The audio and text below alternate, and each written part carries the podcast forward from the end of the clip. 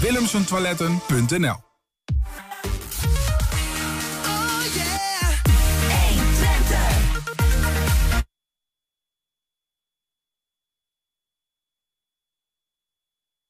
Twente. Weet wat er speelt in Twente. Dan doen we, doen we het maar eventjes opnieuw. En dan doen we het op deze manier. Ah, de Noorderkerk in Enschede wordt een ontmoetingsplek voor Oekraïners. We praten met initiatiefnemer Gerrit Koops. Ja, beschouw voor op FC Twente tegen PEC Zwolle. De Blauwvingers staan dan misschien laatste. De strijd wat betreft degradatie is nog niet gestreden. Ben je als ouders aansprakelijk voor schade die wordt veroorzaakt door je kind? Letselschadeadvocaat Lex Neumann van Damstede legt uit over een bijzondere zaak die deze week speelt. Ja, en Annelinde van der Veen uh, sluit deze week van de verkiezingen af met een toepasselijk lied. Het is vrijdag 18 maart. Dit is 120 vandaag. 120. 1. 120 vandaag. Het overgrote deel van de hengeloze lijsttrekkers ondertekende woensdag op de dag van de verkiezingen het zogeheten Regenboog Stembusakkoord 2022. Hiermee laten de partijen zien dat ze zich de komende vier jaar actief zullen inzetten voor de plaatselijke LHBT-gemeenschap. Aan tafel is Freek Jager, voorzitter van het COC Twente Achterhoek, dat het Regenboog Stembusakkoord uh, initieerde. Freek, goedemiddag. Ja, goedemiddag. Waaronder hebben die hengeloze partijen nou precies hun handtekening gezet? Ja, dat zou je eigenlijk aan jezelf moeten vragen. Maar ik denk dat zij zich willen inzetten voor de, uh, de inclusiviteit van Hengelo.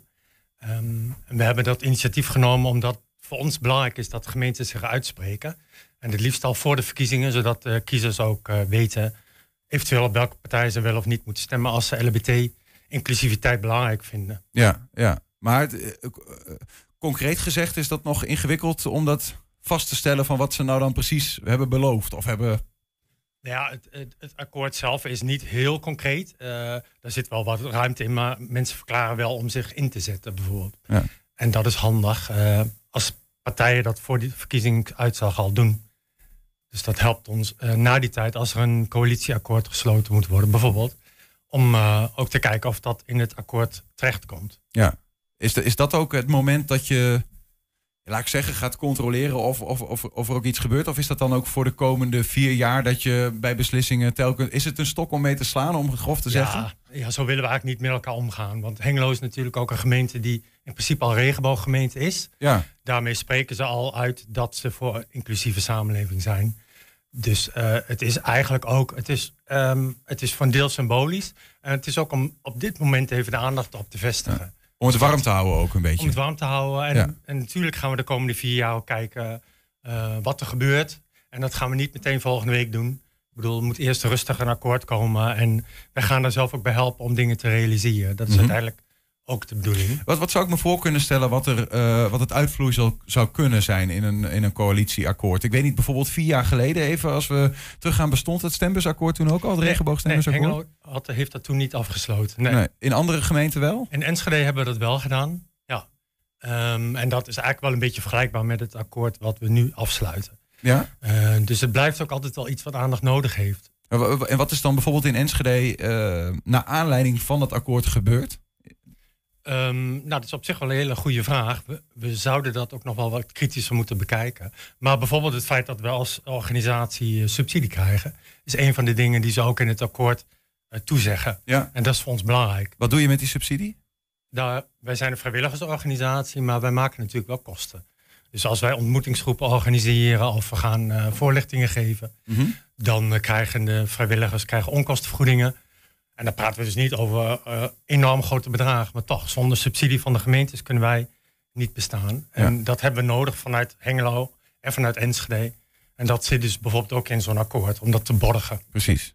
Nee, in, Enschede bestond het vier jaar geleden al, hoor ik je zeggen. In ieder geval is hij toen ondertekend. Uh, hoe, hoe zit dat met andere Twentse gemeenten? Verder hebben we dat eigenlijk nooit ergens gedaan. Nee. We hebben dit jaar voor het eerst ook in Almelo een debat georganiseerd. Almelo is voor ons een stad waar we nog niet zoveel uh, voet aan de grond krijgen. Ja, Almelo vindt zichzelf een inclusieve stad waar niet veel hoeft te gebeuren. Wij kijken daar iets anders naar. Dus we hebben nu bedacht, we gaan in Almelo een groot debat organiseren. En die hebben dus nu ook de kans gekregen om een akkoord te tekenen. En in Almelo hebben een aantal partijen dat ook gedaan. Maar ook Ja. een aantal grote partijen niet. Ja, hoe, Dus hoe- waarom eigenlijk, eigenlijk niet? Want je, uiteindelijk is het een A4'tje, je zet een handtekening eronder. ja. V- Waarom vinden die, sommige lijsttrekkers dat lastig? Nou, sommigen vinden het lastig om voor de, voordat je echt in debat gaat met elkaar om een eh, coalitieakkoord te smeden, al toezeggingen te doen. Ja. Want je bindt jezelf natuurlijk voor een deel. Anderen vinden het eh, financiële risico te groot. Ze waren bang dat het te veel geld ging kosten. Eh, en wilden daarom niet concreet toezeggen dat ze bijvoorbeeld ons zouden subsidiëren. Ja, je kunt elke euro natuurlijk maar één keer uitgeven. Ja, nou, ik snap die keuze ook. We Ja. hebben wel toegelicht dat wij niet zoveel geld nodig hebben. Dus als we een paar duizend euro krijgen, kunnen we in Almelo al heel veel doen met onze vrijwilligers. Dus ik denk dat we daar ook wel uiteindelijk een, een goed akkoord kunnen sluiten. In eh, eh, Hengelo hebben nou ja, 13 van de 15 partijen dit jaar eh, woensdag zeg maar, de, de, het regenboogstembusakkoord ondertekend. Ja. We hebben een foto ehm, ja. van, van, van de ondertekeningen. Van de ondertekenaars, moet ik misschien zeggen. Ehm 13 van de 15. Welke partijen niet? Ja, ehm, Jezus Leeft heeft niet ondertekend. En R3, want daar ging iets mis met de communicatie. Dus die was op het moment van ondertekening, kon die de plek niet vinden, geloof ik. En het Forum voor Democratie. Oké, dus 12 partijen wel. Ja. ja maar R3 wilde ondertekenen. Die had eigenlijk wel willen ondertekenen. Ja. Ja. Eh, Heb je een idee van waarom eh, bijvoorbeeld R3 en Forum hebben gezegd... eh, dit vinden we ingewikkeld? Ehm, nou, R3 had ook willen ondertekenen. Sorry, eh, Jezus, leeft en ja, van Jezus? Leeft weten we, denk ik. De discussie is bij jullie onder de aandacht geweest. Zij vinden principieel onjuist om voorlichting op scholen te geven als het gaat om LBT. Ja. En ehm, ja, we wisten van tevoren ook wel dat zij echt niet zouden tekenen. Sterker nog, ze wilden ook op geen enkele manier met ons praten over eh, waarom ze weigerden. Dus er was geen enkel contact mogelijk. Dat vind ik op zich wel jammer. Ze zijn niet met jullie in gesprek Nee, geweest nee. over hun, hun We hebben standpunt. dat en- geprobeerd, omdat ik het altijd belangrijk vind om elkaar te begrijpen en te kijken of je toch. ehm, je hoeft het niet met elkaar eens te zijn, maar het is mooi als je wel de dialoog aangaat. Maar dat Ja. bleek toch niet mogelijk. Nee. Ja. Oké, nou ja, ik heb eh, eh, na- even na het eh, lijsttrekkersdebat in Hengelo, dat is nu twee weken geleden op dinsdag, met lijsttrekker van, van Jezus Leeft KO, maar Ong Afat, eh, even gesproken, ook Ja. over dit standpunt. Dat het me wel interesseerde, van wat vind je dan precies? Hè? Je leest veel, maar ja, soms is het handig om dat, hè, daarom Ja. verbaasde me ook dat, dat, dat ze het gesprek met jullie nog niet aan eh, hebben willen gaan. Om het persoonlijk te horen. Nou, ik kan, kan zijn standpunten niet verdedigen, maar ik eh, weet wel dat hij inderdaad zegt van... eh, ik geloof niet zo dat het goed is om LHBT-acceptatie te promoten. Eh, Ja. Maar daar interessant daarin is dat ik ook heb begrepen dat juist dat standpunt ervoor heeft gezorgd dat de andere partijen in Hengelo ehm, dit regenboogakkoord sneller dan ooit omarmd hebben. Nou, misschien heeft dat wel het effect gehad. Dan mogen we hem nog dankbaar zijn. Maar ehm, ja, wat, wat ik er lastig van aan vind, is zijn stellingname dat het gaat om een leefstijl waar je voor kiest en waar je kinderen tegen moet beschermen. Dat vind ik echt. eh, dat is. eh, Je mag een mening hebben, maar je kan geen dingen verkondigen die gewoon onjuist zijn. En daar heb ik de grootste moeite mee. Want eh, het is natuurlijk geen leefstijl. Het is iets wat je bent. En dan getuigt het niet echt van een liefdevolle houding als je mensen afwijst om wie ze zijn. Ja. Dat vind ik echt een principieel verschil. Kijk, Ja. Er zijn wel meer eh, religieuze mensen die eh, moeite hebben met LBT'ers. Dat snap ik en dat mag. Maar eh, het gaat te ver als je zegt het is een leefstijl waar je kinderen tegen moet beschermen. Ja. Want het omgekeerde is waar. Je helpt kinderen als je ze voor goede voorlichting geeft. En niemand wordt homo of trans omdat je voorlichting krijgt. Ja. Als je dat in de wereld gooit, dat is gewoon desinformatie.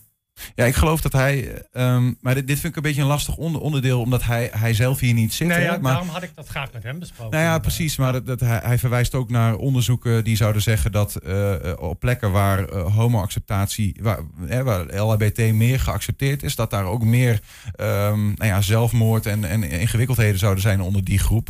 Ja, ik kan dat niet staven. Dus ja, weet je, dat is dan zijn uitspraak en daar moeten we het dan maar mee doen. Ehm, maar de vraag is wel even van hoe, hoe zie je het zelf? Even gewoon jouw mening. Ehm, over wat, vind je van, van nou ja, een standpunt in, van Jezus leeft in dat opzicht? Is dat gevaarlijk en op welke manier dan? Nou, ik vind het echt eh, wel schadelijk ook voor de mentale gezondheid van kinderen. Want juist het omgekeerde is het geval. Op het moment dat je je gevoelens onderdrukt, dat je niet jezelf kan zijn en dat je je niet vrij voelt, dan krijgen mensen mentale klachten. Dus heel veel LHBT'ers hebben psychische problemen, dat klopt. Maar dat is het gevolg van de intolerante houding van de omgeving. En niet van het LHBT zijn zelf.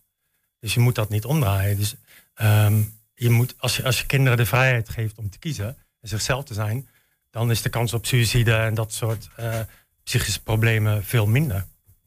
En daarom begrijp ik het standpunt ook niet vanuit de houding van uh, ja, uh, barmhartigheid of medemenselijkheid. Of, nou, ik, ik ben geen theoloog, dus ik wil niet nee. voor Jezus nou ja, het is toch, ik, ik vind dat altijd wel weer interessant. Maar ja, de, dan had hij hier moeten ja, zitten. Maar eh, um, dat, dat hij dat ook. Want als, als ik even die jongen in zijn ogen kijk, vaak een stralende glimlach. Hij, ja, hij, hij, ja. hij, hij, denkt echt, uh, gelooft echt dat zijn standpunt uh, ook echt goed is. Hè? Ook voor, uh, voor de LHBT-community bijna, zeg maar. Ja, ja. Um, dus, en dat jullie dan daarin echt tegenover elkaar staan, is natuurlijk een heel interessant Zeker, fenomeen. We hebben daar ook discussie over gehad met de landelijke, want het is een landelijke partij, hè? Ja. Met, uh, Job van Ooyen is de partijleider. Met, met Jezus red op ja, zijn precies. dak, deze ja, man. Ja, daar heb ik ook wel, want je kan niet rechtstreeks, omdat ik in contact wilde komen met Keoma, uh, maar dat lukte niet. Had ik het geprobeerd via de nationale partij. Maar bij Joop kwam je precies hetzelfde. Die wilde ook niet communiceren. Die gaf ook aan van ja, jullie weten niet wat Jezus vindt. En ik ga daar verder niet over in gesprek. Okay. Dus die, daar liep, liep, het ook dood. Opvallend is overigens wel dat de schoonzus van deze lijsttrekker Keoma in, uh, in ja, ja. uh, Abby Gomez, uh, namens GroenLinks de, het akkoord wel heeft ondertekend. Hè? Ja. ik heb er wel respect voor dat je dat ook, dat je de discussie aan durft te gaan in jouw familie. Um, dat heb ik Abby ook wel teruggegeven. Dat vind ik wel mooi. Maar zelfs zij heeft hem dus niet kunnen overtuigen. Dus ik denk dat het ons ook niet makkelijk gaat lukken. Nee. Dan uh, Forum voor Democratie ook niet ondertekend. Is dat ook een beetje hetzelfde als in Almelo? Of lastig om nu al toezeggingen te doen? Of zit er bij hun ook een principiële reden achter? Ja, Forum geeft vaak aan dat ze, dat ze wel voor vrijheid zijn... maar dat ze het eigenlijk niet nodig vinden om LBT speciale aandacht te geven. Ja. Ze hadden ook uh, affiches en met hoeveel genders heb jij? Er was veel discussie over landelijk... omdat het eigenlijk een beetje belachelijk maken was van van de hele discussie over genderproblematiek.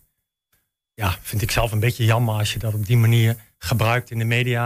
Maar dat is de houding van Forum. Dus uh, daar hadden we ook echt niet van verwacht. Ergens hebben ze gingen tekenen. Ergens, ik, ik kijk jou even aan, hè, maar ergens hebben ze natuurlijk misschien ook wel een punt dat het, dat het nog mooier zou zijn als het geen issue zou zijn, toch? Zeker, ja, dat is ook zo. Maar zij volharden ook. Ik kreeg nog een mail van uh, Forum voor Democratie. Waar ze echt zeggen van het gaat over mannen en vrouwen. Zij ontkennen ook dat er iets anders bestaat. Um, ja, ja, ja. Dus en dat, dat is ook dat is van de werkelijkheid volgens mij. Ja, ja. Even terug naar het stembusakkoord, regenboogstembusakkoord. Um, uh, Enschede uh, noemde je vier jaar geleden, hebben ze hem uh, ondertekend ja. hier? Ja. Dit jaar? Ja, we zijn dat nog aan het proberen. We hebben geen goed moment kunnen vinden eigenlijk om de ondertekening te doen. Dat was een beetje een praktisch probleem. Dus we hebben via de mail allemaal toezeggingen dat ze wel willen tekenen. Maar het moment waarop ik dacht, het kan misschien hier in het banengebouw, maar het was enorm vol en ook niet het goede moment. Ja, afgelopen maandag tijdens het slotdebat, ja. ja. ja, dat was, was misschien wel een beetje gek geweest tussendoor. Ja, dat wel. Tijd, maar het was allemaal veel te druk. Ja. En, uh, nu zijn ze natuurlijk uh, weer druk met de formatie en met het uh, coalitieakkoord. Dus we gaan nog een moment prikken. En misschien maken we er dan wel een coalitieakkoord van. Dan moeten we nog even kijken. Ja. Maar in Enschede is er sowieso ook een meerderheid van de partijen die zich aansluit bij het akkoord. Dus dat komt wel goed hebben we alle vertrouwen in. Is dat dan ook weer voor vier jaar? Dat het, uh, of... Ja, ja, we gaan ja, omdat het natuurlijk echt over, gaan, uh, over specifieke, ja, over deze raad gaat en waar die geld ja, aan uit gaat ja, geven natuurlijk. Ja. Ja. En ze zullen waarschijnlijk wel weer een meerjarenplan maken waarin dan LBT-emancipatie ook wordt meegenomen. Tenminste, dat gaan we proberen voor elkaar te krijgen zodat we ook voor de komende jaren weer zekerheid hebben over de steun van Enschede. Ik begreep in ieder geval wel dat wethouder Arjan Kampman woensdagavond uh, gezellig regenboogspelden zat okay. uit te delen. Dus, oh, ja, we hebben, ja. Zaten, zaten in café Stonewall en er zijn uh, overal regenboogspeltjes. Zelfs uh, ook bij onze stagiaires, die, die hebben een mooie regenboogspeltje ja. ja, dat is een mooi symbool van Enschede. Dus die heb je alvast mee. Zeker weten, ja, dat is een goede ambassadeur voor ons. Freek Jager namens COC Twente Achterhoek, dank voor de komst. En voor, voor jouw kant van het verhaal. En uh, kijken wat het regenboogstembusakkoord gaat opleveren in alle Twentse steden. We zullen het zien. Dankjewel. Dankjewel. Ja, dit is 120 vandaag. Heb je ons inmiddels al gevonden op Spotify of andere podcastkanalen? Ja, je vindt daar de, onze hele uitzendingen en per dag één item uitgelicht als losse podcast. Die kun je dus ook uh, ja, lekker luisteren als je bijvoorbeeld onderweg bent. Of uh, uh, als je thuis zit. Je kan het op school luisteren. Je kan het eigenlijk overal luisteren. Vooral na 120 vandaag. Is toch wonderlijk. Het is, het is echt het, de moeite waard om het een keer op te zoeken. Zoek dan op 120 vandaag. Dat is dus de hele uitzending. En 120 vandaag uitgelicht is een los onderwerp. 120. 120 vandaag. Na de uitstekende overwinning op AZ vorig weekend ontvangt FC Twente morgenavond hekkersluiter Pek Zwolle. De Blauwvingers staan dan misschien laatste. De strijd wat betreft degradatie is nog niet gestreden. Ja, het is trouwens ook nog de vraag of FC Twente trainer Ron Jans morgen tegen zijn oude ploeg wel op de bank zit. Dat hadden we niet verwacht. Ivan van Dinteren voor de Kamer voor de voorbeschouwing. Waar is de hoofdtrainer? Ja, de hoofdtrainer zit ziek thuis. Dus uh, ja, die is uh, gisteren ziek geworden. Uh, ja, wat verhoging had hij in. Uh, ja, we, we denken griepvirus. Hij is gewoon getest. Was negatief. Vandaag contact even met hem gehad. En hij voelde zich uh, nog niet zo goed dat hij dacht van nou, ik, ja, ik, ik, kan training geven. de verwachting is dat hij er gewoon morgen bij is. Oké, okay, nou dat was mijn volgende vraag. Ja. je zegt even contact met hem gehad. Probeert hij dan vanaf de zijlijn nog wel zijn instructies door te geven? Of hoe gaat dat? Nou, dat, dat, dat, is eigenlijk heel simpel. Want wij op de, op de min 1 en de min 2, dat betekent de, de wedstrijddag min 1 en min 2, doen we eigenlijk altijd dezelfde dingen.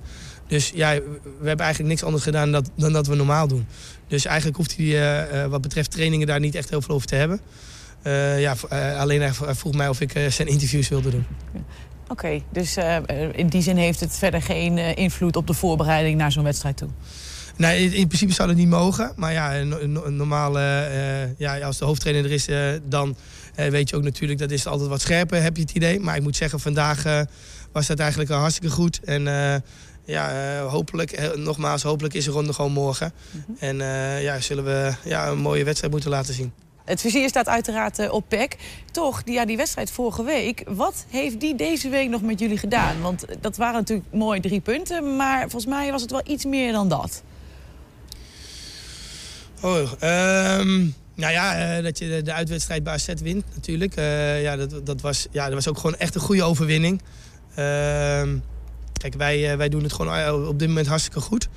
Ehm, ja, wat, wat doet het met ons? Ja, kijk, ze hebben het altijd over die flow. Ik vind het altijd wel een heel lastig woord, omdat ja, wanneer is het nou een flow? Maar in principe hebben we natuurlijk de afgelopen tijd hebben we gewoon ja, laten zien dat we ja, goed, kunnen, ook goed kunnen aanvallen. En, uh, en ook uh, goed kunnen verdedigen, wat, wat iedereen, iedereen al wist. Maar dat we nu ook aan de bal steeds beter worden. Ja, dat is ook mooi om te zien. Um, ja, en het, het, was natuurlijk ook tegen AZ. Volgens mij was het de eerste wedstrijd die ze verloren in competitieverband. Volgens mij hadden twaalf wedstrijden op rij gewonnen of zo, of elf. Dus, dus ja, volgens mij was dit de eerste verlies sinds ja, vorig jaar november, of weet ik, uh, ja, weet ik niet helemaal precies. Dus ja, voor ons was het een hele mooie overwinning. Uh, ook omdat we natuurlijk tegen de beker ze hadden verloren. Dus het was een beetje een revanche, denk ik. Jij zei uh, hè, dat verdedigen, maar dat we ook laten zien dat we goed kunnen aanvallen. dan wel even naar die wedstrijd voor dit weekend kijken. Verwacht je dat jullie daar ook tegen PEC de ruimte voor gaan krijgen? Ja, dat, dat, dat, uh, dat denken we wel. Aan de andere kant uh, weten we ook van PEC dat ze nu veel meer vooruit spelen. Uh, man op man gaan, allemaal doordekken. Dus ehm, ja, kijk, er zullen altijd fases in de wedstrijd zijn dat je, dat, je, dat je ruimte krijgt om te voetballen. Dat, dat hebben wij ook. Wij kunnen ook niet 90 minuten vol druk zetten. Er zijn altijd momenten dat je, ja, dat je toch iets behoudender moet spelen. En dat kan omdat de tegenstander veel beter is. Of dat kan ja, omdat je even er doorheen zit fysiek. Ehm, maar ik, ik, ik, ik verwacht dat, het, ja, dat ze in, in de beginfase denk ik ons wel onder druk gaan zetten. Maar ook een fase zullen zijn dat, wij, ja, dat, we, ja, dat we tijd krijgen om, om, ja, om het aanvallende spel te laten zien. Ja, qua positie zou ik niet zeggen. Ze staan nog steeds onderaan. Maar daar is wel degelijk wat veranderd. Als je kijkt voor de winterstop die aansluiting is er in ieder geval weer. Uh, ze zijn nog niet opgegeven, laat ik zo zeggen. Uh, waarin denk jij dat het verschil vooral zit in PEC voor de winterstop en, en PEC na de winterstop? Ik denk sowieso effectiviteit. Uh, dat denk ik sowieso. Ik vind ook dat ze iets directer spelen, dus iets sneller naar voren. Maar ook effectiviteit. ja, ze hebben natuurlijk ook wat, wat jongens gehaald in die winterstop. Ehm, Ja, en eh, kijk, ik, ik, ik ken Zwolle natuurlijk goed. Ik heb daar zelf drie jaar gewerkt.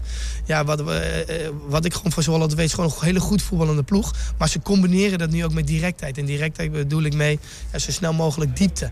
Eh, ze hebben natuurlijk ook twee jongens voorop, snel, sterk.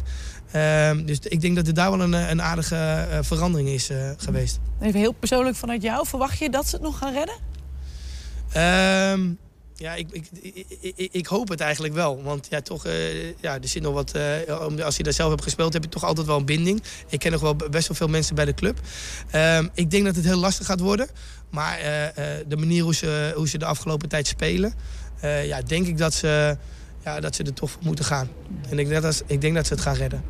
Dan jullie ploeg. Ehm, sowieso één, eh, één iemand gaat ontbreken. Sali lekker geschorst. Hoe gaan jullie dat opvangen? Ja, dat, eh, ik denk dat iedereen dat wel weet. Eh, ja, de, degene die, daar die daar altijd heeft gespeeld is Jesse Bos.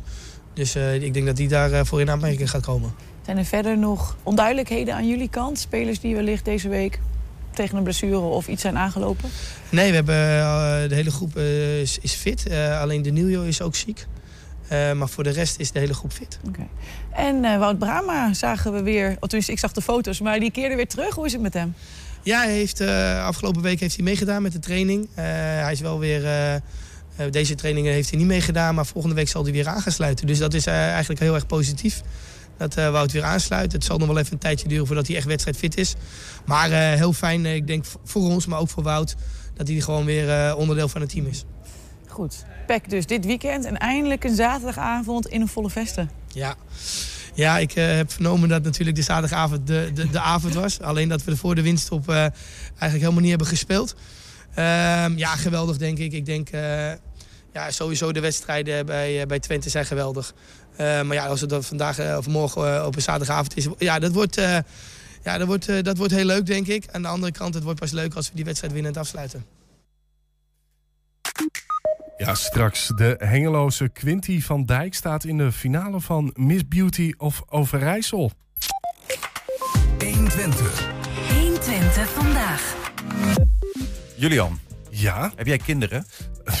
nou ja, niet waar ik van weet in ieder geval. maar maar als, als iemand eh, eh, mij wil melden dat ze er wel zijn, zou ik het graag weten. willen weten. Ik heb een interessante casus voor je. Stel even, hè, jij hebt een kind Ja, en die slaat op het schoolplein een ander kind met een schep. Ja, zo, dat radicaal. Dat maar andere kind, dat gebeurt hè, op het schoolplein soms. Dat andere kind houdt daar blijvende schade aan over. En nou komt het, die ouders van het kind, die houden jou als ouder verantwoordelijk voor die schade. En voor het gedrag van jouw kind. Oeh, Ja? Ze, ze, ze eisen zelfs een schadevergoeding. ja. Eh, hoe zou je dat vinden? Ja, ik zou dat echt verschrikkelijk vinden. Maar ik, ik, ook als, ik, ik heb er wel eens over nagedacht. Als je dat met vuurwerkschade hebt. Maar dat zou ik, eh, als, als bijvoorbeeld jouw kind iets kapot maakt van een ander. En je bent als ouder opeens aansprakelijk. Vind ik verschrikkelijk. Maar zou je het logisch vinden dat je aansprakelijk bent? Oeh, eh, lastige. In sommige gevallen denk ik wel. Oké, Als dus je- als je- afhankelijk van de situatie. Ja, dat ligt denk ik aan de situatie, ja. Eh, deze week dient er in- namelijk een, een zaak waarin ouders het eh, niet logisch vonden dat ze een vergoeding moesten betalen voor eh, schade door hun kind. En vragen aan onze vrienden van Damstee hoe dat precies zit. Dit is mijn uitspraak en daar moet u het mee doen. Rechtspraak met Damstee Advocaten. Letselschadeadvocaat Lex Neumann via Zoom. Goedemiddag Lex. Ja, goedemiddag vrienden van eh 120.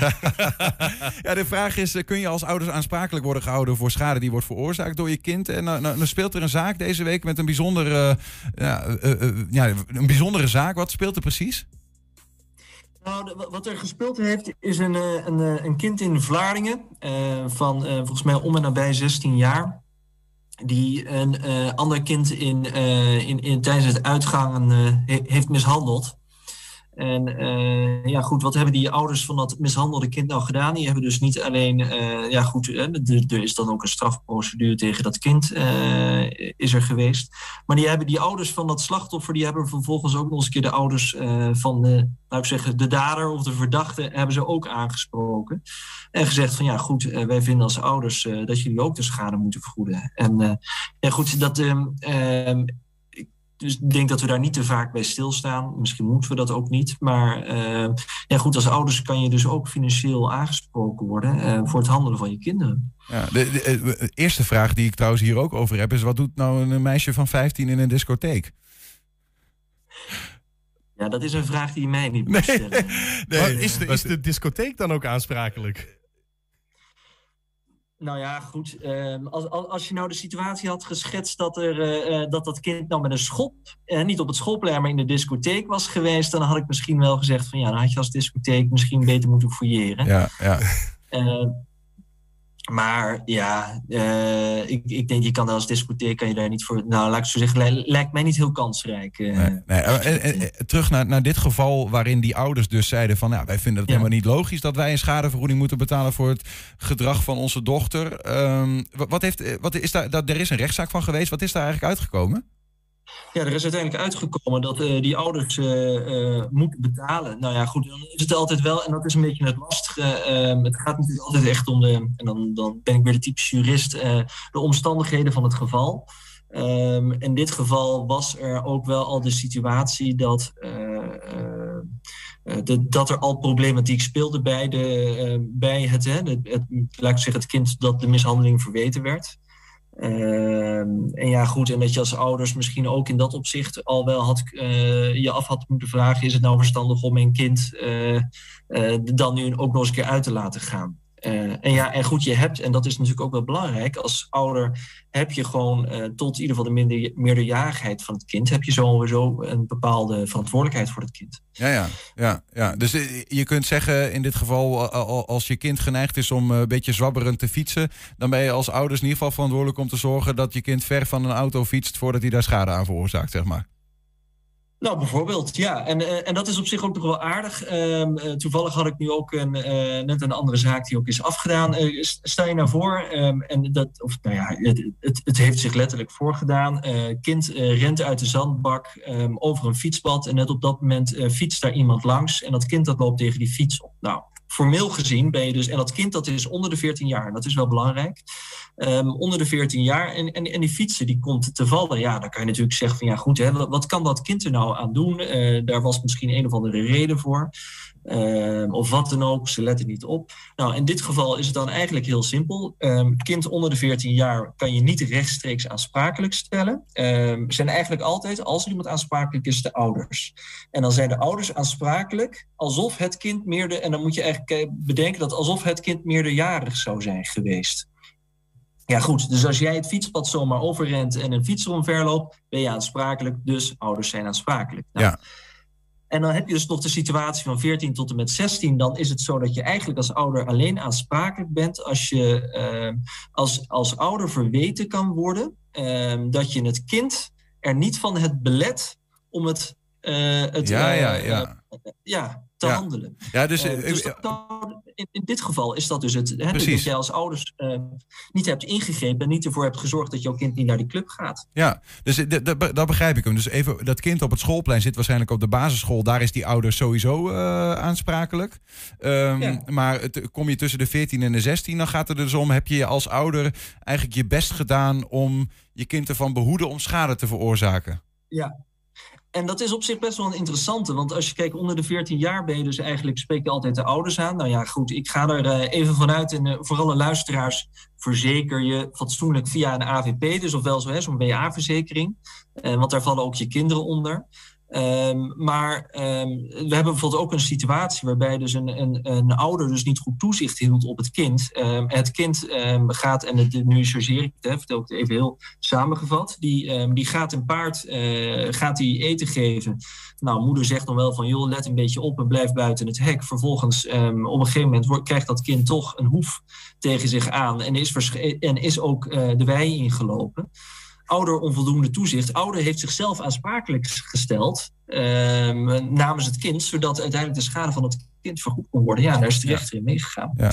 Ja. Dus um, ja, je kan er uh, allerlei constructies uh, beden op bedenken. Maar, uh, maar goed, als ouder kan je dus aansprakelijk zijn voor schade van het kind. Ja, uiteindelijk moet schade die veroorzaakt wordt ergens van betaald worden. Ik vraag me dan wel af, in dit geval, stel nou dat de rechter had gezegd van nee, die schadevergoeding kun je niet bij die ouders halen. Um, ja. wie, wie betaalt het dan eigenlijk wel? Nou, als je tussen, tussen de 14 en de 16 uh, zit je dus eigenlijk, is het dus inderdaad ja, vraag: spreek je het kind aan of spreek je de ouder aan? Ja. Uh, en onder de 14 spreek je dus sowieso de ouder aan. Uh, ja, dus dus uiteindelijk zal, als er en dan moet er natuurlijk, natuurlijk moet om die onrechtmatigheid, moet er, uh, die moet aanwezig zijn. Maar in dat geval, ja, komt dat dus bij, uh, we gaan er maar vanuit dat het eigenlijk, ik zou ben zeggen, in heel veel gevallen gewoon bij de ouders terechtkomt. Ja, ja maar ja, goed, het meisje van 15, um, is die dan ook voor zichzelf altijd verzekerd? Stel dat ze het zelf zou moeten betalen?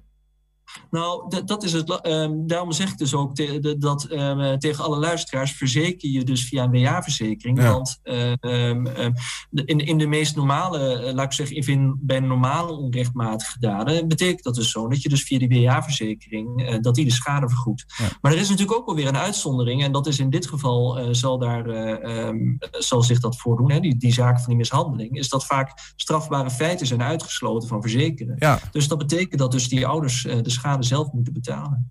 Oh, en dat kan soms wel in de papieren lopen natuurlijk. Ja, ja ik kan me dat voorstellen. Als je iemand uh, er een optikt en het gaat mis, uh, ja, dan heb je dat toch echt zelf gedaan. Dan zal de verzekering zeggen, ja, uh, dank je de koekoek.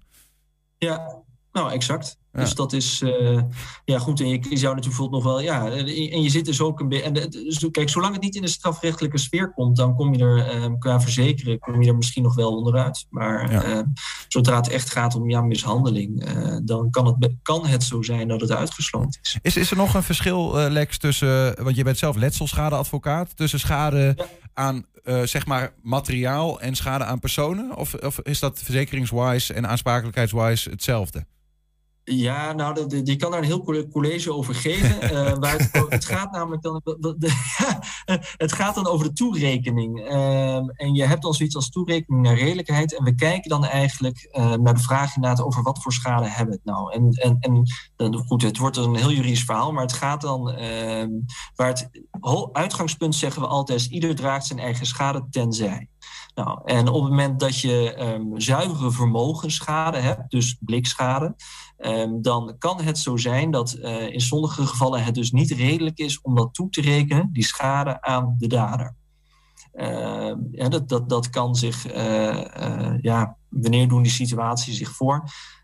zelden, maar goed, er zijn dus wel uitzonderingen op. Um, nee, als je, als je bijvoorbeeld met de fiets tegen een auto aanrijdt, terwijl er net even je zicht verminderd was door een tak voor je hoofd, kan me voorstellen dat, ja. dat je dat minder goed kunt to toerekenen aan degene die, die, die op de fiets zit. Nou, dat, dat, dat, dat argument zou je kunnen voeren. Ik denk dat dat, eh, goed hè, dat is dan even in het hele specifieke geval, denk ik dat dat niet helemaal opgaat. Maar dat argument zou je kunnen voeren, ja. ja, ja. Uh, ja. Kortom, kortom, omstandigheden waar je je verhaal al mee begon. Dat is altijd uh, wat Julian hier ook eigenlijk net zegt. Van ja, dat ligt een beetje aan de omstandigheden. Ja. Um, ja, het zit echt in de omstandigheden. Dus, uh, en, en, en daarom verzeker je, verzeker je, verzeker je. Ja, ja. nou dank in ieder geval ook voor, uh, voor dat advies. En ook voor het uitleggen van de meer algemeenheden in deze zaak die altijd gelden. Ja, dus, uh, en, uh, dus ook ouders, uh, hou je kinderen thuis. Hè? Dat is eigenlijk gewoon. ja. Lex, dank je. Lex Neumann van Damstel Advocaat hoor je. Dank je wel. Goed weekend. Graag gedaan. Fijne dag. Zometeen de Noorderkerk in Enschede opent de deuren voor gevluchte Oekraïners. 120. 120 vandaag. De Hengeloze Quinty van Dijk is er helemaal klaar voor. Zondag staat ze in de finale van Miss Beauty of Overijssel. Quinty ontkracht het stereotype beeld van meisjes die meedoen aan dit soort wedstrijden. De Hengeloze geeft namelijk Duits op een middelbare school in Enschede.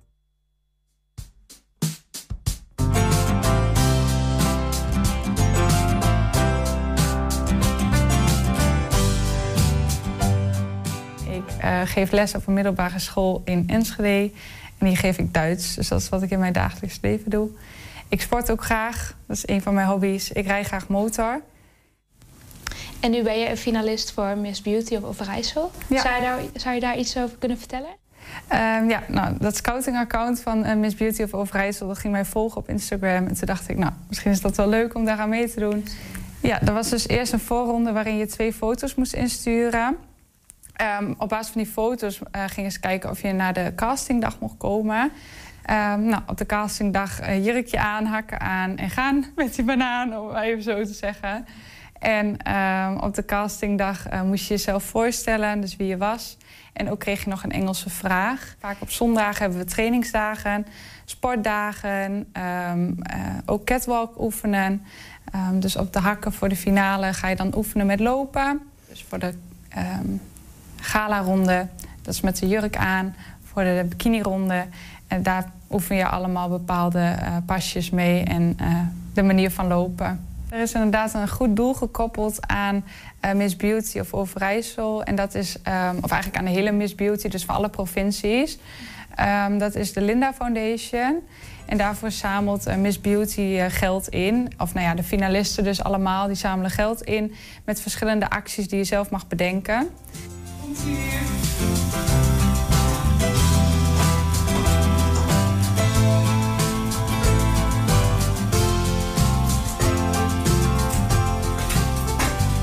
Nee, ja, iedereen die kan dus meedoen. Ik moet heel eerlijk zeggen dat ik dus niet zo'n popje ben. Ehm, ik vind make-up wel leuk, maar ehm, ik ben helemaal niet van uh, oogschaduw opdoen. En echt zeg maar heel veel wat daar dan nog bij komt. ik ben niet echt uh, van helemaal in de glamour zitten of zo. Ik ben eigenlijk gewoon best wel een nuchter persoon in deze, denk ik. Ja, aankomende zondag staat ze dus in de finale van Miss Beauty of Overijssel. En dat wordt gehouden in Almelo. 120. 120 vandaag. Tijdens de oorlog in Oekraïne zijn er al vele Twentse initiatieven uit de grond gestampt. En daar is sinds vorige woensdag nog eentje bijgekomen. De kostenswoning van de Noorderkerk in Enschede is klaargemaakt voor de opvang van een uh, Oekraïns gezin. En daar blijft het niet bij. Vanaf volgende week vrijdag gaan de deuren van uh, doorgaans gesloten kerk ook nog open. Aan de telefoon hebben we Gerrit Koop. Zij kan ons meer vertellen over wat er uh, volgende week precies gaat gebeuren. Gerrit, goedemiddag. Ja, goedemiddag Niels. Wordt die Noorderkerk, uh, dus aan de, aan de Lassonde Singel, um, zeg maar nou ja, op de hoek van de Deurningenstraat min of meer en de Singel, wordt dat een soort tijdelijke ontmoetingsplek voor Oekraïners? Moet ik dat zo zien? Ja, nou, de, plannen uh, voor uh, een open kerk liggen al lang.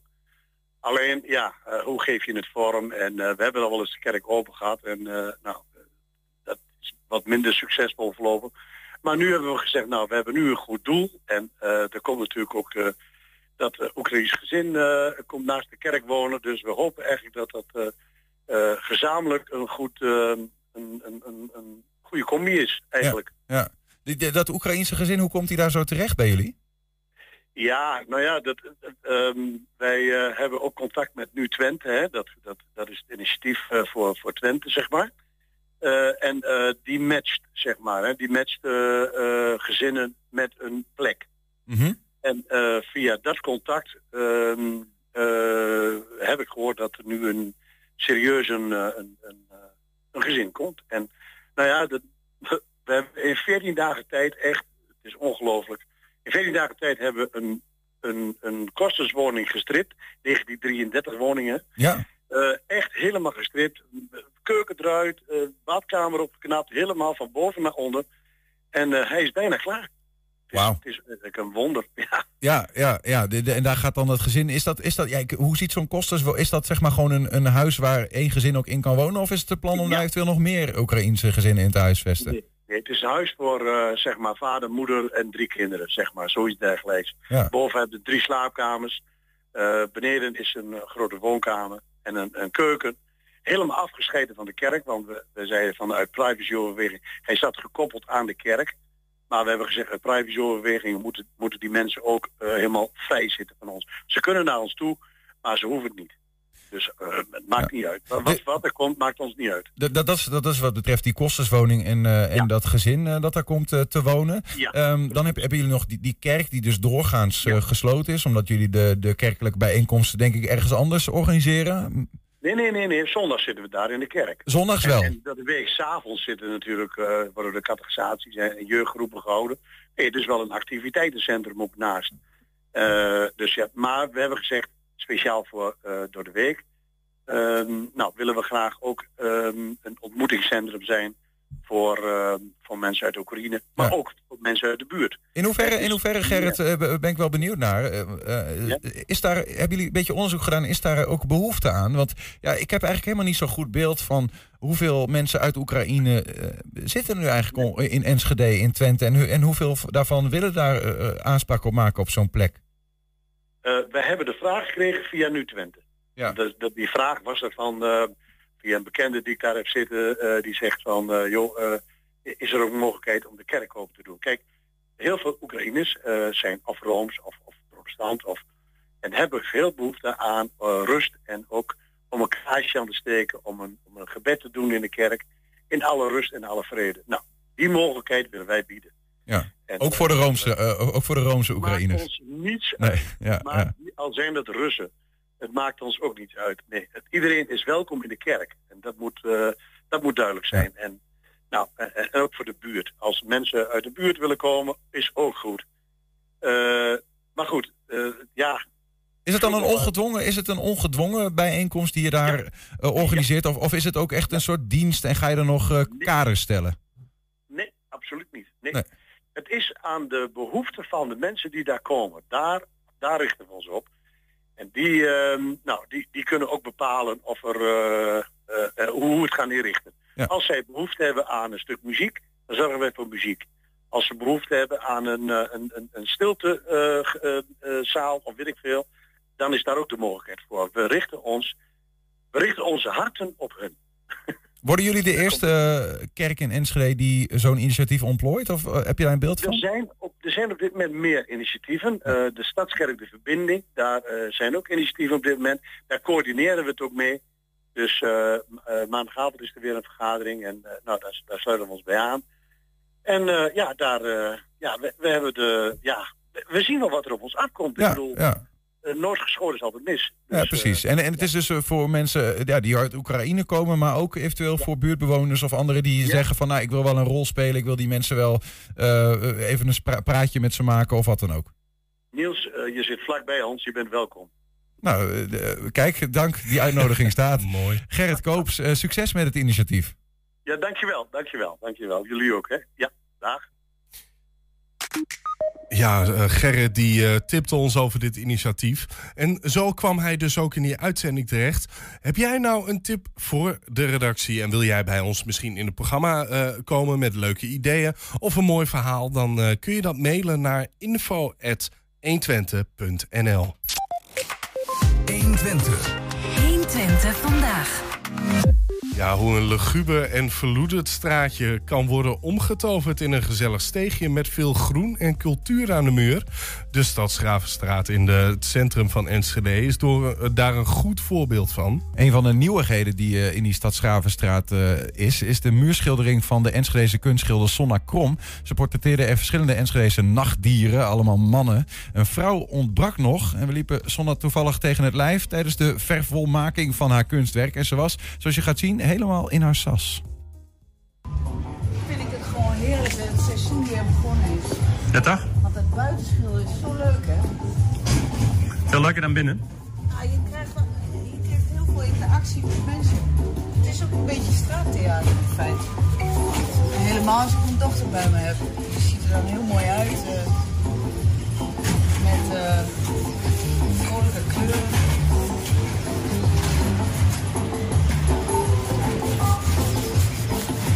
Leuker dan binnen schilderen. Ja, je krijgt aanmoedigingen. Het is bijna soms net alsof je eh, de, de singelloop doet of eh, de marathon. En dat je dan eh, onderweg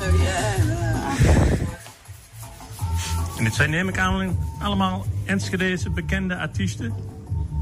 Ja, dat zijn het. Wie kent niet de gebroeders Timmer? Cor, Appie en Henny Timmer. Cor die ook zelfs geridderd is in die functie hè, als organisator van eh, eh, de jaarlijkse jubileumsessies Oké. in de bijjaar.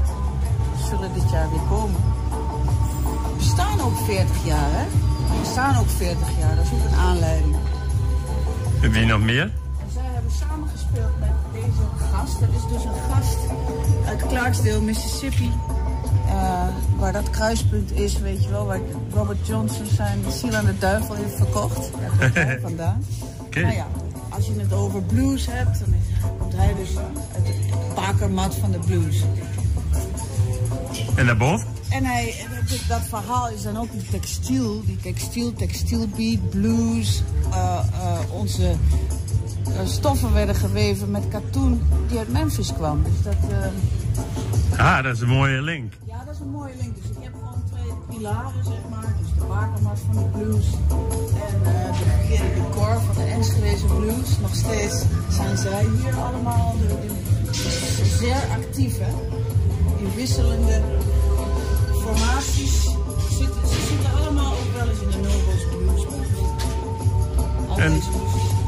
Staat weer een verschuiving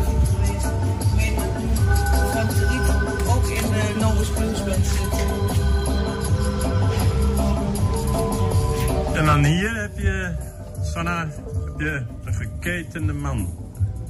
Ja, dat is eh, Harry. Harry, Mooi. Dankjewel. En wie is Harry? Harry Houdini is de boeienkoning. Ja. Dat is eh, entertainment, hè? Dus het heeft wel een linkje met de muziek en met de entertainment business, maar het is vooral een symbool van eh, vrijheid. Hij bevrijdt zich natuurlijk, hij boeit zichzelf en bevrijdt zichzelf keer op keer als een act. En maakt zichzelf daarbij ook nog steeds moeilijker, neemt steeds meer risico's. Toch hij springt in een bassin, helemaal geboeid, maar toch weet hij zich keer op keer weer te bevrijden. En dat is toch een beetje een soort Han- Hans Klok-achtige act. Beetje symbolisch voor deze tijd. Ja, ik schilderde hem toen er verdorie weer een lockdown kwam. Want we hadden net een feestje hier binnen met een expositie, live muziek eindelijk weer, hè, oktober. Onder het mom van vanaf nu gaan we het weer doen, live bandjes. Maar ja, er kwam gelijk weer ehm, een lockdown, dat was wel heel cru. Dat, je kon wel merken dat de mensen dat lastig vonden, dat er toch nog weer zo'n lockdown kwam. Dit is het laatste wat ik ook geschilderd heb toen in oktober. En, eh, toen november. Het werd ook te koud. En, eh, Neem even mee, eh, Sanna, hier naartoe. Ja. Deze mevrouw heb je ook net geschilderd? Deze dame heb ik vrijdag geschilderd. Dame, moet ik zeggen. Ik denk twee dagen, ja. Donderdag en vrijdag, als ik het me goed herinner. Donderdag en vrijdag. Of vrijdag en zaterdag. Maakt niet uit. Dit is, dit is Een zeer geliefd en beroemd eh, figuur uit het Enschedeze nachtleven. Uitbaatster van eh, het beroemde Old Dutch. En dat zien we daar, die eh, rode stenen daar verderop in de straat.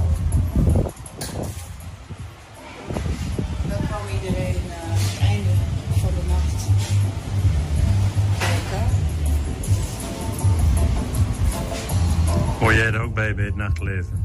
We zijn allemaal bij Betsy geweest. Ook wij, studenten destijds, eh AKI-studenten.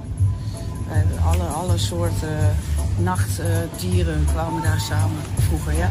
Maar je merkt het ook wel, nu ik haar geschilderd heb, krijg ik heel veel reacties op straat. Dus mensen van, hé, hey, dit is Betsy. En dan krijg je er een, eh, hoe heet het, een anekdote bij. Maar ook via social media zie je dat het heel... Mensen vinden het eh, heel prettig om eh, aan haar terug te denken. Dus daarmee is het een goed idee geweest om haar erop te zetten. Dat was een idee van Rijn Kroes. En ook anderen hebben het wel geopperd. Maar hij, hij, hij, ja, hij stelde mij dat serieus voor. Liet me ook een paar foto's zien.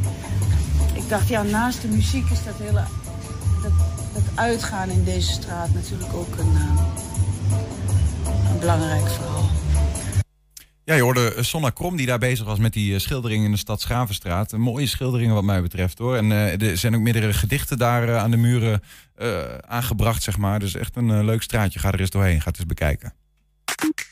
Zometeen geen Bart Peter Zweem. Die heeft een groene en linkse afspraak, waardoor hij de column niet kan doen. Wel hebben we de muzikale column van Annelinde van de Veen. 120. 120 vandaag. Ja, woensdagavond was het al bekend dat Burgerbelangen met 10 zetels de grote winnaar is bij de gemeenteraadsverkiezingen in Enschede. Maar pas zojuist werd de verkiezingsuitslag officieel bekendgemaakt. Hoe zit dat precies? Collega Wilco Lauwers was er net bij. Eh, Wilco is weer hier inmiddels. Het was niet lang dan, hè? Want we begonnen om 4 uur volgens mij. Ja, het was met 10 minuutjes, eh, kwartiertje, even napraten, was, Ja. het, eh, was het afgelopen. En dan met gierende banden naar de studio natuurlijk. Ja, exactement. Ja. prioriteit, hè? Ja, hoe, maar hoe zit dat nou? Want die, het was toch al bekend? Eh, ja, de uitslag op zich was bekend in eerste instantie. Nou was de definitief, definitieve uitslag. De afgelopen dagen zijn natuurlijk alle stemmen ehm, ook op eh, kandidaatniveau eh, geteld. Nou Ah, ja. ja. je kunt je voorstellen als er dan heel grote fouten waren gemaakt... dan eh, had het nog misschien tot een andere uitslag kunnen leiden. Maar dat is allemaal gebleven. Is de zetelverdeling zoals we die hebben gemeld. Dus dus Burgerbelangen bijvoorbeeld met tien zetels de grootste. Ehm, ja, die, die blijft Ja. zo, zoals die is. Burgerbelangen houdt er tien. Maar dan is het dus niet zo. Hè? Je hebt het stembiljet. Nou, daar staan al die namen op. Die kandidaten. Dat je tien zetels krijgt als partij. Dat dan die eerste tien de raad ingaan. Ehm, nee, nee, dat hoeft niet. Dat hoeft niet, want je hebt zoiets dat heet eh voorkeurstemmen. En eh, nou, misschien om het voorbeeld van burgerbelangen maar, eh, maar eens te nemen. Ehm, als jij een, als jij, je je hebt, je hebt ehm, dit jaar ongeveer 1480 stemmen nodig om de kiesdrempel te halen, zo heet dat. Hè? En dat betekent, de kiesdrempel is zoveel stemmen heb je nodig voor één zetel. Voor één zetel, ja, ja. Ehm, nou, dat, dat, betekent eigenlijk gewoon het aantal geldige stemmen deel je door het aantal zetels. Dat zijn er 39 in Enschede. En dan heb je dus zoveel zetels heb je nodig, of zoveel stemmen heb je nodig voor één zetel. Dat is eigenlijk heel makkelijk uitgelegd. Nou, en als jij een kwart van die, dat aantal haalt, hè, dus een kwart zetel, om het zo maar even te zeggen, als jij die op eigen kracht haalt, dan mag je aanspraak maken op een zetel in de gemeenteraad. Ehm, en dat is dit jaar als jij ongeveer, nou, ik heb het uitgerekend, ik kan het niet heel precies zeggen, maar tussen 350 en 370 ongeveer zit die, eh, die voorkeursdrempel. Ja. Ehm, en dat betekent dat er bijvoorbeeld bij burgerbelangen. ehm, nou ja, goed, de nummer 1 houdt altijd wel eigenlijk die kiesdrempel. Dat kan bijna niet anders. als jij überhaupt in de raad komt. Hè. Ehm, maar hier eh, bijvoorbeeld eh eh, Joffrey Vogelsang uit Glanenbrug. 672 stemmen heeft hij eentje, in zijn eentje. Ook bijna allemaal uit de regio Glanenbrug. Zeg Op welke maar. plek stond hij? Die stond op plek 13. Oké. Dus die komt. Die valt buiten die tien. Die valt buiten die 10. Maar die mag nou aanspraak maken. Zelfs nummer 3 is hij eigenlijk in de, in de rangorde. Hij gaat zelfs bijvoorbeeld Barry, Barry Overink voorbij. Oké. Een bekend raadslid. Ja, ja. Die we regelmatig in de studio hebben. Nou, dat, dat, die dus. Zera. Dus hij mag dan kiezen, ik wil die zetel eh, van burgerbelangen Ja, daar heeft hij gewoon recht op. Ja. Krijgt hij ook gewoon. Ehm Shera Seben, ehm, die heeft nou, ook, ook vanuit, eh, hè, vanuit de Turkse gemeenschap in Enschede waarschijnlijk wel heel veel stemmen gehad. Ja. Eh, die komt in de raad, die stond op nummer 12. En op nummer 11 stond Stef Heurman, die heeft de 488 gehaald in zijn eentje.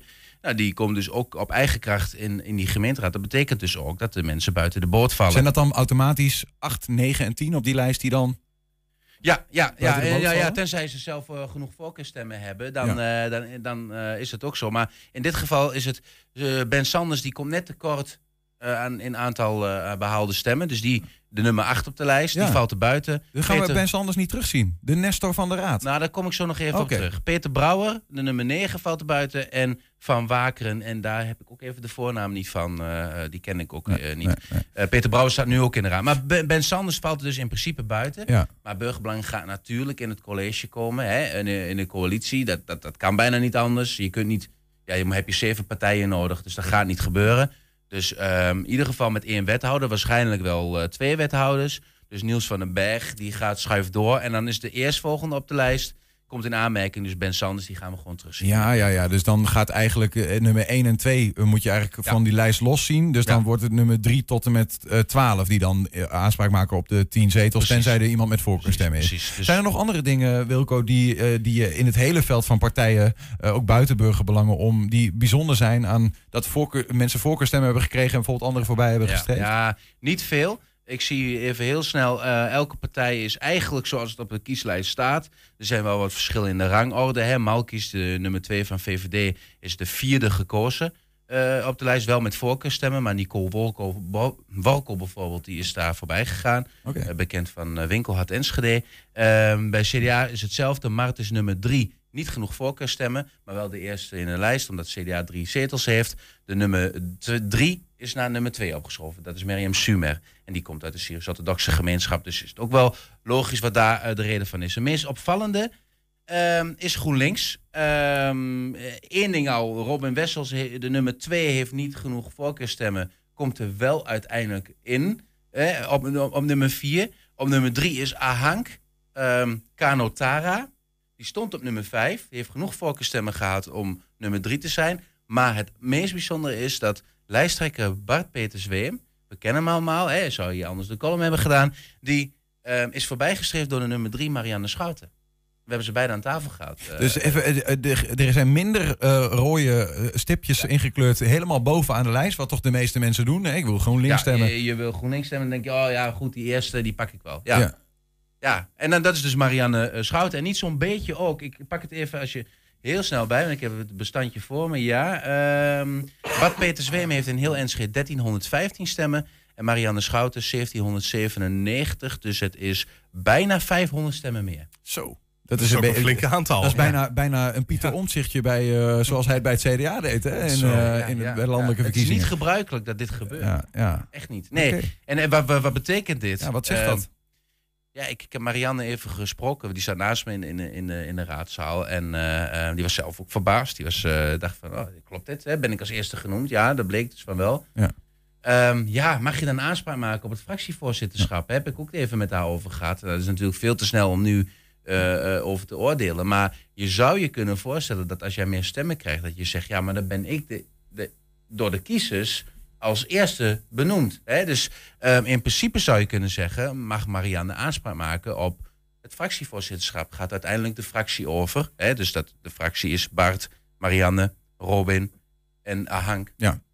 Ja. Die moeten dat met elkaar gaan, eh, gaan uitmaken. Ja. Eh, maar ja, ja, het is een lastige situatie. Ehm, voordat we dit gesprek afronden, eh, de- deze lijst gaan we ergens terug kunnen vinden? De totale lijst met eh ja, natuurlijk. Ik ga zo meteen eh, eh, ga ik een bericht maken op intwente.nl. Dit zijn de 39 raadsleden van Enschede. Dan kan iedereen dat eh, ehm, ook even terugkijken. En Ja. misschien aardig om te melden, waarom is Marianne Schouten daar voorbij gegaan? Nou, ze heeft natuurlijk een grote achterban in Enschede. Glanenbrug misschien nog een beetje.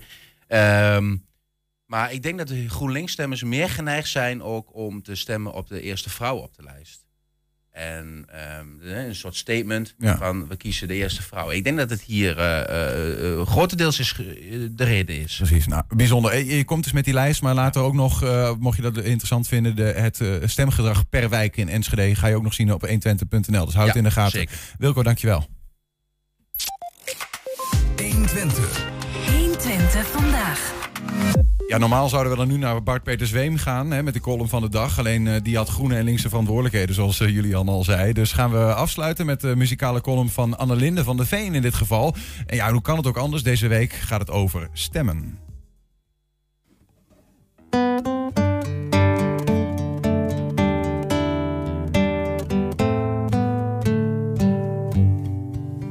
Stem je links of rechts of stem je blanco?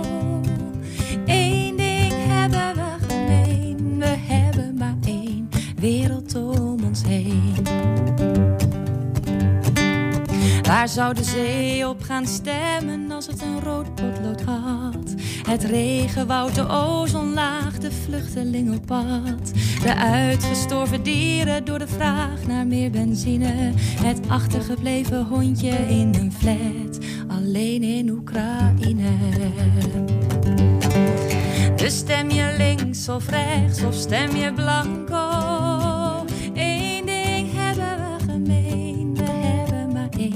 Wereld om ons heen. Waar zouden de bomen rond de singel en de vogels in de stad op stemmen als zij ook een stembiljet hadden gehad? Kunnen wij het tij nog keren? Kunnen wij uit goed fatsoen nu stoppen met proberen en gewoon het juiste doen? Dus stem je links of rechts of stem je blanco?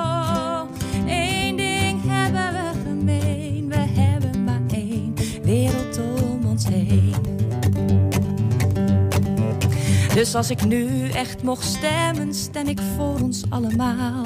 Wij mensen zijn maar mensen, dat is ook weer niet echt heel speciaal. En we praten en we praten en we praten maar alleen. Eerste, tweede, derde wereld, maar voor mij is er maar één. Dus stem je links of rechts of stem je blanco. Eén ding hebben we gemeen, we hebben maar één wereld om ons heen. Dus stem je links of rechts of stem je blanco. Eén ding hebben we gemeen, we hebben maar één wereld om ons heen.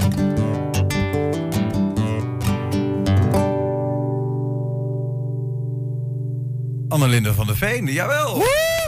Ja, en nu zit dit gewoon... Ja, hè, wat is dat, uh, Julian? Moest je het zo... uh... Nee, dat was, uh, was iets wat luid. Ja, nou ja, ik ben aan de ene kant blij, aan de andere kant... nu zit dit nummer dus weer een week in mijn hoofd. Want dat had ik ook na afgelopen maandag... toen deze tijd, tijd het slotdebat. Annelinde? Ja? Wat is het voor oorworm? Nee, dat is een heel ander lied wat je dan in je hoofd hebt. Nee, maar deze heb je toch maandag ook gezongen aan het einde van ja, het... Nee, maar ja, de meeste mensen, ja, dat heb je natuurlijk Luna Paloma Blanca. Dat is ja, ja, ja, nou ja, goed. Het, het is, een, het is een, een mooi nummer. Hey, waar zou de zee op stemmen? Ja, uh, vertel het mij. Wat denk jij? ja, weet ik ook niet. Maar dan kom ik toch, denk ik, ga, uh, al snel aan meer de groene en linkse partijen, zeg maar. Hoezo uh, niet gewoon blauw midden? Blauw, blauw midden, dat zou kunnen, ja. ja. Maar goed, ik denk dat de andere partijen ook best wel uh, het, het, goed voor hebben met de zee. Dus ik weet het echt niet zo goed. Nee, ik ook niet. Nee, nee. En je, je hebt ook uh, afgelopen woensdag in, het, uh, burgerzaal, in de burgerzaal opgetreden, hè? Ja, dat was echt superleuk. Ja, zelfs de burgemeester kwam nog eventjes naar me toe om uh, te complimenteren. En uh, vond het ook heel erg leuk om mij nog even te vertellen dat hij zelf ook ooit een opera had geschreven. Ja, oh ja? ja, ja, nou, ja, ik vond wat? het heel, schattig. Ja. Een opera geschreven? Nou, dat moeten we hem even een keer voorleggen als we hem spreken. Ja. Maar is het een, uh, heeft hij nog een mopje meegezongen dan? Is het een operazanger of moet ik dat niet zo zien? Weet niet, idee. Hij schijnt na, de, na 13 mei, na de vuurkramp, heeft hij blijkbaar een opera geschreven over de vuurkramp. Oh ja. ja, toen was hij wethouder in Enschede. Dat klopt inderdaad, ja. ja. Hij is verantwoordelijk geweest voor de wederopbouw van, van Roombeek. Ja. Hey, uh, um, Annelinde, wij, wij hebben jou, uh, jou, jou uit de, ja, de vraag zeg maar, om jou uit te dagen... hebben we bij de luisteraar en de kijkeraar van uh, 1 Tenten neergelegd. Oh ja, vertel. Zoals we vorige week hadden afgesproken. En daar is iets, daar is iets uitgekomen. En de, nou. de, de, we hadden um, via Facebook twee mensen die eenzelfde thema graag bij je neer willen leggen. Dus die hebben we dan ook maar gekozen. Mm -hmm. Ben benieuwd of je er wat mee kan. Het thema waartoe je uitgedaagd wordt is kansengelijkheid kansengelijkheid. Ja, om maar even bij de verkiezingen, want dat is echt zo'n verkiezingsthema, vind ik nou zelf. Ja, ja, precies. Kansengelijkheid. Ja, ik moet zeggen dat dat woord nou niet meteen poëtisch uh, me opbrengt, maar... Nee. Nee, ja, het is heel belangrijk, kansengelijkheid, maar ik val er ook een beetje, altijd, als ik het hoor, val ik al een beetje in slaap altijd. Omdat ik dat gevoel krijg, nou krijg je een heel betoog, zeg maar, een heel politiek betoog. Ja, ja, ja, precies. Ja, ja. Is hetzelfde als dat, uh, dat mijn moeder zegt, we eten spruitjes vanavond. Ja, ja. Nou, dat is hartstikke lekker. Ik ben heel benieuwd wat de uitdaging voor jou wordt dan om daar voor volgende week vrijdag om over kansengelijkheid een, een liedje te maken. Dus ik, ik ben benieuwd of je dat een beetje spannend kunt maken ook. Ja, nou, de, die uitdaging ga ik uh, graag aan. Ik ga even eerst uh, kijken in het woordenboek wat nou op eigenlijk precies inhoudt. maar, uh, maar daar kom ik wel uit. Nou ja, succes ermee en bedankt voor, voor, deze, voor deze oorworm. En daar heb ik weer een weekje om op te teren. Nou, fijn. Gelukkig. Dank je. Annelinde van Veen, dankjewel. Goed weekend en succes met de kansengelijkheid. Dankjewel. Doei. Doei, doei. Tot volgende week. Ja, en dan zou ik normaal gesproken nu de eindtune in doen. Maar dat heb ik per ongeluk even fout gedaan. Dat doe ik even opnieuw. Want de, ja, einde Maakt van de niet week. Uit, Julian. Nee, dat Ook doen voor we jou is altijd de tweede kans. dankjewel, dankjewel, dankjewel.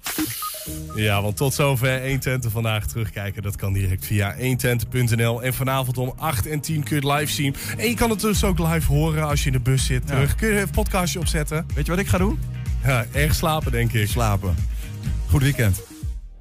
Geen oorlogsmisdadiger noemen, zoals president Biden wel deed. Rutte herhaalde dat hij de oorlog in Oekraïne verschrikkelijk hij de term oorlogsmisdadiger niet over wil nemen. Er zijn onderzoeken voor nodig om dat uit te zoeken, zei Rutte. Minister Jette gaat er alles aan doen om te voorkomen dat grote energiebedrijven zullen omvallen. Hij heeft geen signalen dat er acute problemen zijn, maar die zouden er wel kunnen komen door de hoge gasprijs.